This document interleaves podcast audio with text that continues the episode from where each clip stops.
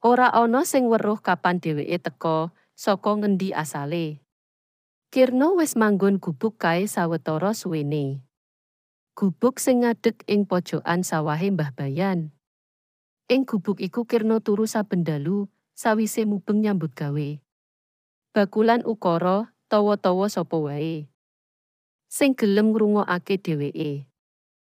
Likir, duwe dongeng apa dina iki, kluluke puji nalika Kirna liwat ngarep omahe. Sik durung kulaan, mengko sore wae yo, wangsulane karo terus mlaku ngetan. Ora ana sing ngerti ngendi sing dituju lan sapa sing ditemoni.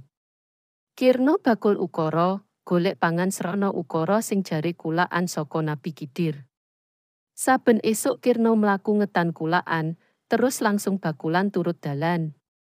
Wes bola-bali Kirna ditundung ngalih saka gerdu, nanging dheweke terus mbaleni pakulinane. Bocah padha teka merga rumangsa butuh lan seneng ngrungokake dongengku, ujare Kirna sawijining wektu. Wancine candi Allah, Kirna mesti wis lungguh gerdu ngarep masjid. Ngenteni tekane bocah-bocah sing jaluk didongengi. Polahe Kirna mangkono iku ndadekake warga padha risih. Mergo bocah-bocah pilih nyemak dongenge Kirna ketimbang salat jamaah.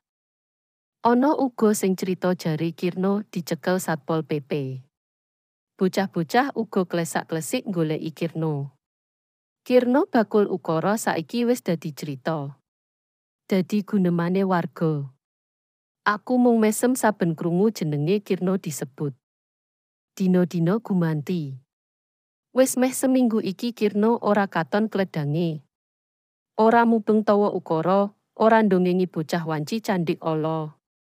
Ana sing kandha Kirna minggat sawise gubuk pojokan sawahe Mbah Bayan dibongkar. Kirna bakul ukara wis ndadekake kabeh wong gelem crita. Kirna wis teka pucuke dalan sing ditempuh.